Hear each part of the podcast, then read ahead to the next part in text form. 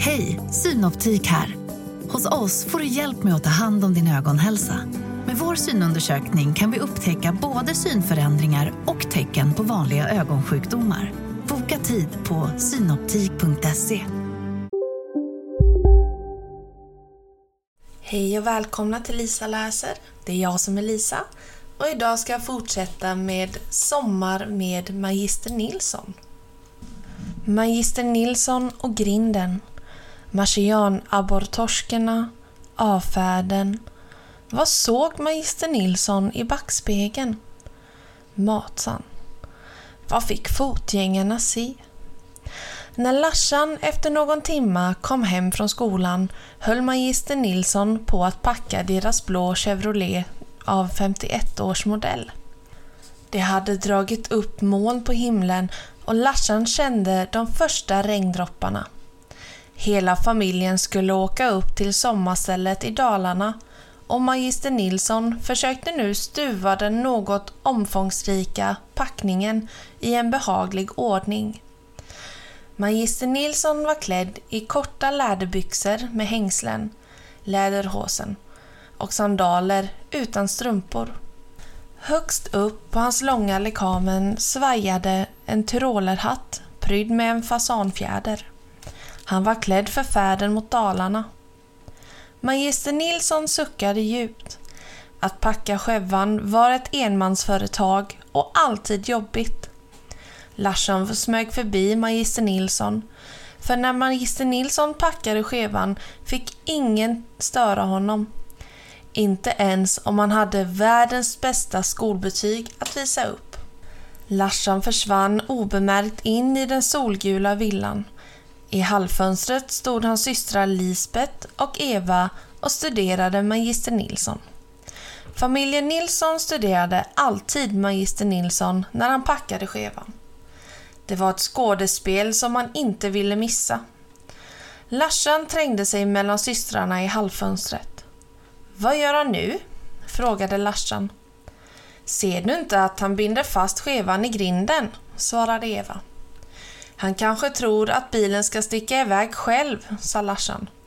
Snacka om resfeber. Magister Nilsson visste att hans barn just nu talade om honom. Jag vet vad de säger, tänkte han. De säger Tänk vad vår pappa är duktig på att packa. Han är världens bästa packare. Det finns nog ingen som kan packa en skeva så bra som han. Åtminstone inte i ösregn. För det regnade alltid när magister Nilsson packade skevan. En timme före och en timme efter kunde det vara solsken. Men så fort han började packa bilen stod regnet som spön i backen. Det verkade som om det satt någon där uppe i himlen och sa Nu kommer magister Nilsson. Han ska packa skevan. Öppna alla kranar. På med skyfallet. Nu hade magister Nilsson bundit fast grinden vid bilens kofångare med ett rep. Och detta för att grinden inte skulle slå igen varje gång han gick in på tomten och hämtade mera bagage. Magister Nilsson såg upp mot villans halvfönster och genast vinkade barnen. Det visste han att de skulle göra. De stod alltid i halvfönstret och vinkade när han packade skevan och ju mer det regnade, desto mer vinkade barnen. Ibland fick han för sig att de drev med honom och därför vände han sig aldrig om när han snubblade eller tappade något.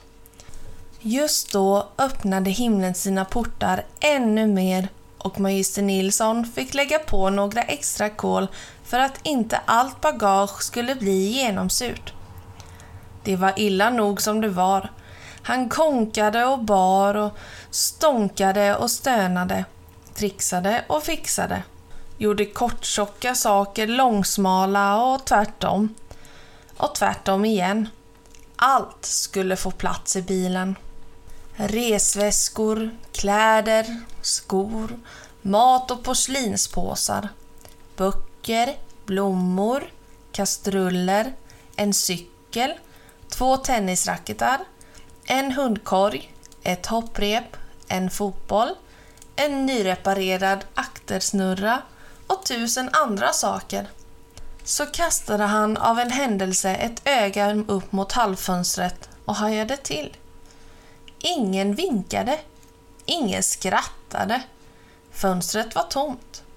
För första gången på mer än fem års Chevrolet-packande var barnen borta från fönstret. Det måste ha hänt en olycka, tänkte han. Magister Nilsson släppte påsen med ägg och konserver, rundade bilens framvagn med små, intensiva steg, krockade med höger framdörr, tre snabba steg till vänster förbi dörren, vänster fot rakt ner i en kartong med pelargoner, höger fot ner i en låda med skor. I skolådan blev det liksom en sko för mycket och lådan välte. Pelargonerna tycktes med en gemensam ansträngning förmodligen slänga ut magister Nilssons inkräktande vänstersko ur kartongen. Magister Nilsson föll pladask. Han reste sig upp på armbågarna, sa sammanbitet något ont om pelargoner och såg upp mot hallfönstret. Han kunde ha fått en chock.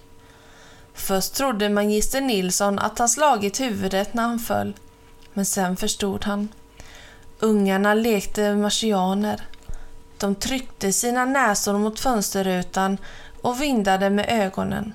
Med tummarna i öronen och de övriga fingrarna spretande framåt såg de ut som blandning av marsmänniskor och torskabborrar.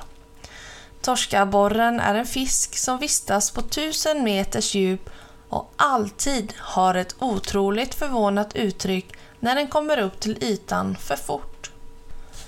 Även om magister Nilsson blivit alldeles röd i ansiktet var det inte av ilska. Han var röd i ansiktet av lera. Han blängde mot hallfönstret. Nu ska ni allt få marsianabborrtorskar, mumlade han. Men då var marsianabborrtorskarna försvunna. Kvar fanns bara tre barn som glatt vinkade åt sin pappa. Hade det inte varit för att någon av dem hade andats på fönsterrutan och skrivit Evol med fönstret hade han tagit bilen och åkt. Evol fick nu duga som fredsflagga. För läste man Evol baklänges blev det Love. Äntligen var magister Nilsson klar för avresan. Bredvid sig i framsätet hade han Larsan och mormor. Mormor tillhörde sommaren och hon skulle alltid med till Dalarna. I baksätet satt fru Nilsson, Eva och Lisbet, taxen taxen, tre resväskor, tolv pelargoner och hela fru Nilssons sommargarderob. Men det här går ju inte, klagade Eva som hade lådan med pelargoner i knät. Jag kommer få cellskräck, sa Lisbeth som satt med taxen taxen i knät. Själv satt hon i knät på fru Nilsson. Det blir mycket bättre bara vi kommer ut ur stan, tröstade magister Nilsson. Han la i ettans växel, gasade och skävan rullade iväg. Då hände det. Först hördes ett tjong, som när en vajer spänns. Sedan ett brak, som när man river ett stenhus. Och sedan klatschik, klatschik, klatschik. Magister Nilsson visste vad det var. Fru Nilsson visste vad det var. Larsan, Lisbet och Eva visste vad det var. Mormor visste vad det var och även taxen visste vad det var. Alla visste vad det var, men ingen sa något. Magister Nilsson stannade bilen, tittade i backspegeln och trummade med fingrarna på ratten. I backspegeln såg han grinden, grindstolpen, repet och en del av bilens kofångare som låg på marken. Magister Nilsson tittade drömmande framför sig. Så får han ut ur bilen, ryckte loss resterna av kofångaren och lyfte upp grinden och grindstolpen på raka armar över huvudet. Han rusade mot huset och slängde med ett jättekast in allt tillsammans på gårdsplanen. Sedan sprang han tillbaka till bilen, hoppade in bakom ratten och körde iväg. Magister Nilsson var inte arg, Nej och nej, det var bara att det tjuriga grindar var det värsta magister Nilsson visste. Nu skulle kusin Mats hämtas på Söders höjder. Mats, som också kallades för Matsan, var Larsans absolut bästa kompis. Han var ett år äldre och läromästare i bus och upptåg. Matsan hade också en igelkottsfrisyr, men han var starkare och tuffare än Larsan och hade ett annorlunda språk. Han var söderkis. När skevan stannade framför Matsans port blev det alldeles tyst i bilen. På trottoaren stod Matsan med två stora resväskor, ett nytt kastspö och en sovsäck under armen. Magister Nilsson trummade på ratten med vänster hand och tänkte Hur ska jag få in Mats bagage i bilen? Och hur ska jag få in Matsan? Magister Nilsson kliade sig i örat med höger pekfinger och hummade. Hmm. Hmm. Hmm. Hmm. Matsan vinkade försiktigt till Larsan som hyschade med fingret framför munnen. Magister Nilsson vevade långsamt ner bilrutan. Har du tänkt att åka med till Dalarna, Matsan? Matsan nickade. Så magister Nilsson flinade glatt. Det är bara att kliva på. Detta är sandwichresor. För hoppressat bagage eller personer ansvaras icke. Framsätet eller baksätet? Välj själv, men använd skohorn. Magister Nilsson skrattade torrt. Häpna fotgängare fick nu beskåda en omflyttning av bagage och passagerare i ett fenomenalt tempo. Mormor ut, sovsäck in, Larsan ut, Matsan in, Eva ut, kastspö in, taxen taxen ut. Under en bra stund fanns det alltid någon eller något kvar på trottoaren. När magister Nilsson till slut vevade upp sidofönstret och toppdelen på Matsans kastspö föll i gatan bar det av som ett jehu. Vem var Pelle? Vad hände i bagageluckan? Vem skulle ha pengarna? Och vad hände med Lisbets basker? Som en raket for den blå skevan ut ur Stockholm, svängde åt vänster vid Ulriksdal och så pang på rödbetan, som mormor sa, mot Svärdsjö i Dalarna. Pelle i botten, pappa, ropade Larsen. Pelle i botten, pappa. Jaså, är han det? sa magister Nilsson förvånat. Vad då är han det? frågade Larsen. Ja, sa du inte att Pelle är botten? sa magister Nilsson. Gaspedalen menar jag förstås, förklarade Larsson. Han brummade som värsta racerbilen. Jaså, den? Jo, den ska vara i botten ända tills vi kommer fram, sa magister Nilsson. Var så säker. Men magister Nilsson stannade vid sju kiosker och fem bensinstationer. Man åt 30 sega råttor, 15 skinksmörgåsar, 12 apelsiner och en påse blandad frukt. Dock inte plommon. Plommon var förbjuden frukt under resor på över fem mil. Man tömde två termosar med choklad och en med kaffe. Drack fem läsk och en sodavatten. Detta i sin tur resulterade i att man måste stanna sammanlagt 12 gånger för att uträtta vissa behov. Kan inte vänta tills vi kommer fram, klagade magister Nilsson. Men det kan man inte. Inte ens magister Nilsson. Man hade en punktering under resan. Det var på reservdäcket i bagageluckan, vilket förvånade magister Nilsson. Tjugo gånger sa magister Nilsson Skräpa inte ner i naturen och vinka inte åt poliserna. Åtminstone inte så de ser det. Annars hände inget speciellt under färden till Dalarna förutom att Lisbeth sålde pelargonerna på en bensinstation i Krylbo. Det gick till så här. Magister Nilsson stannade för att tanka vid en bensinstation. Mormor klev ur bilen och gick till en kiosk. Fru Nilsson gick till dörren som det stod damer på och magister Nilsson gick in på bensinstationen. Eva tog en promenad med taxen taxen och Larsan och Matsan sov. Lisbeth hasade sig ut ur baksätet på vänster sida och balanserade lådan med pelargonerna i händerna.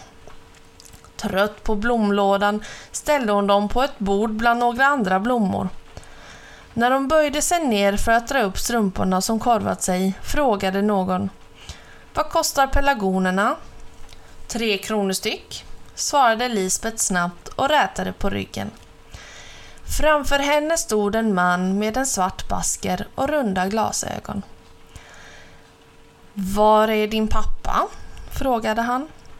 Eh, han är väl inne på bensinstationen, svarade Lisbeth. Ja, nåväl, sa mannen. Här är 18 kronor för blommorna.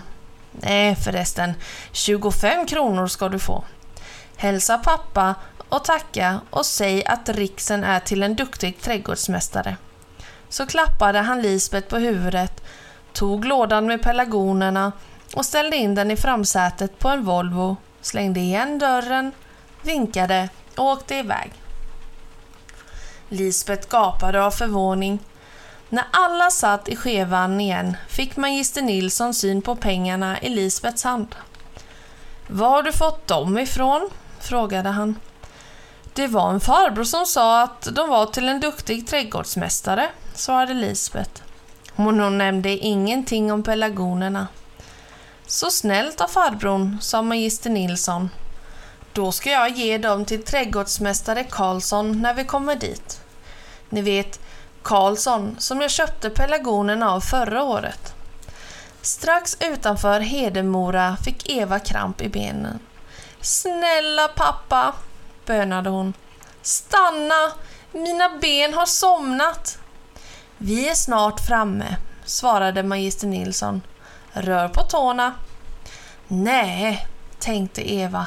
Nu räcker det. Hon vevade resolut ner fönsterrutan, tog av sig den rosa basken och slängde ut den. Oj, jag tappade min basker, ropade hon. Stanna pappa, den får ut genom fönstret. Min fina basker. Magister Nilsson tvärnitade och backade tillbaka. Nu kliver jag ur bilen och hämtar basken, sa han bestämt. Ni sitter kvar. Han hann bara öppna dörren på glänt så slank taxen taxen ut. Han fick syn på en hare och jagade iväg ut på en åker. Hjälp mig att fånga taxen! ropade magister Nilsson och stack iväg. Och vilken syn!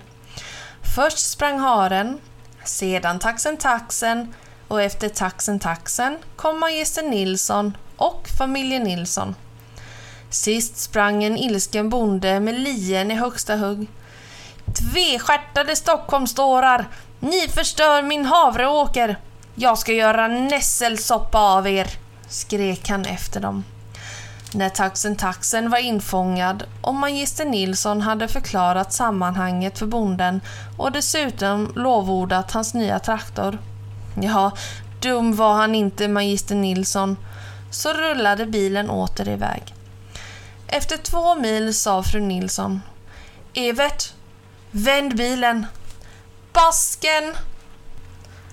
Och snipp, snapp, snut så var denna del av berättelsen slut.